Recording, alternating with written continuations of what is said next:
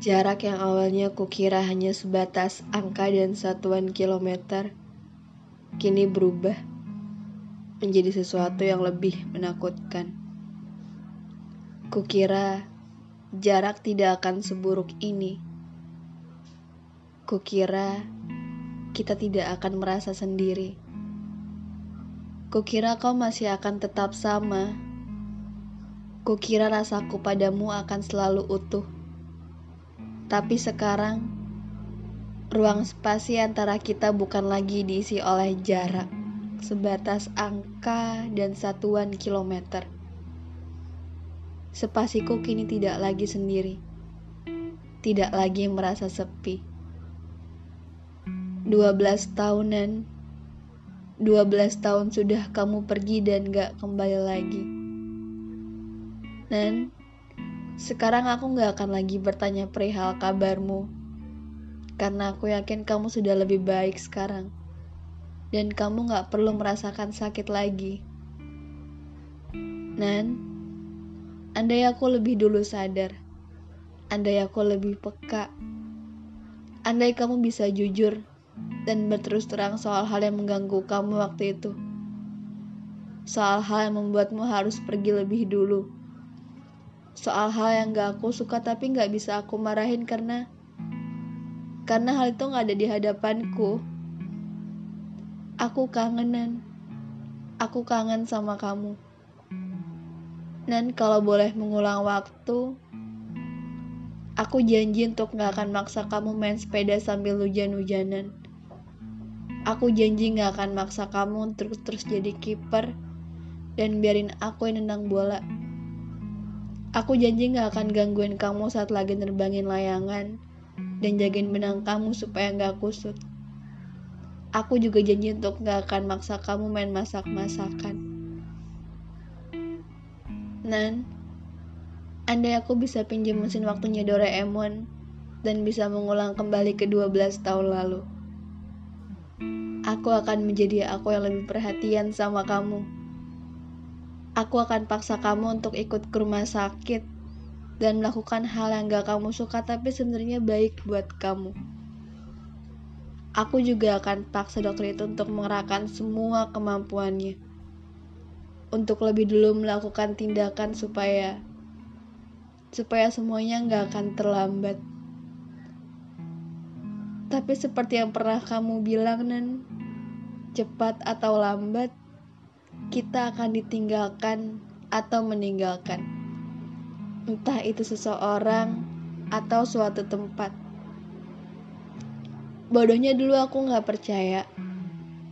Bodohnya dulu aku selalu menganggap bahwa semua ucapanmu hanya sebagai angin lalu. Lagian bocah kelas 4 SD kamu ajakin bahas begituan, kinan, kinan. Nan, sekarang aku sedang menulis cerita ke-6. Maaf aku belum bisa menuliskanmu ke dalam satu cerita utuh. Karena terlalu berat, Nan.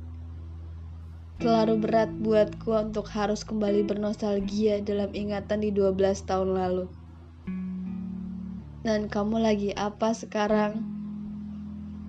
Mungkin gak kalau aku berharap kamu sedang memperhatikanku dari atas sana. Dan aku pengen ketemu kamu. Allah cuma sekali. Allah cuma sebentar aja.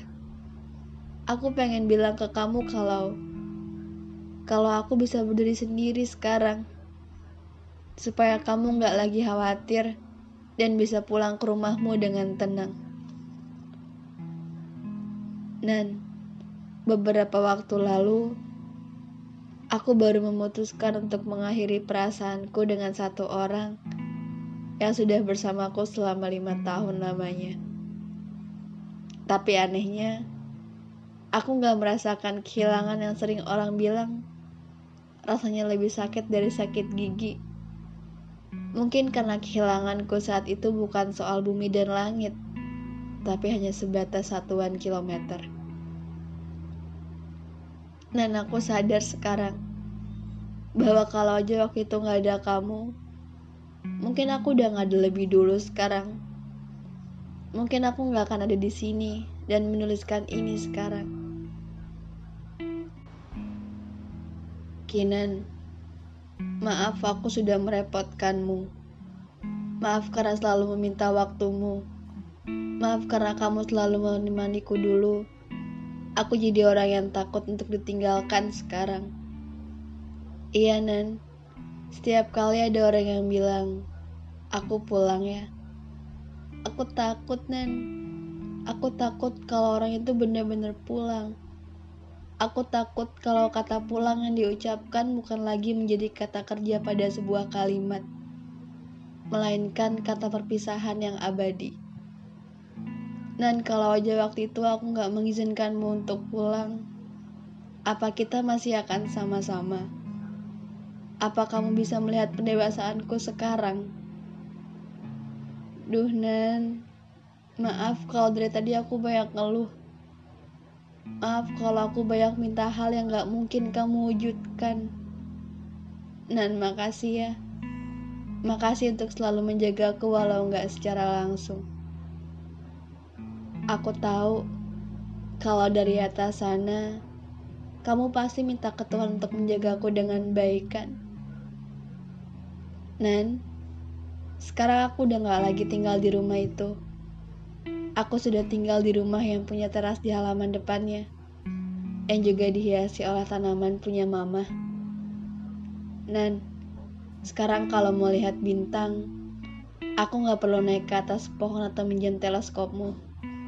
Karena sekarang, semuanya sudah terlihat jelas dari halaman rumahku. Lihat, Nan. Kamu lihat kan bintang yang paling terang itu? Namanya bintang Canopus, Nen. Bintang yang bersinar paling terang di saat yang lain tertutup oleh awan. Redup. Nan, belakangan aku jadi sering mengingatkan diriku dengan suatu hal yang lain. Aku ibarat kanopus dan kamu langitnya. Kenapa? Karena kanopus nggak akan mungkin bisa bersinar seterang itu kalau bukan karena langit sebagai ruangnya. Sama halnya kayak kamu. Aku nggak akan mungkin ada di sini sekarang, dan kalau bukan karena kamu.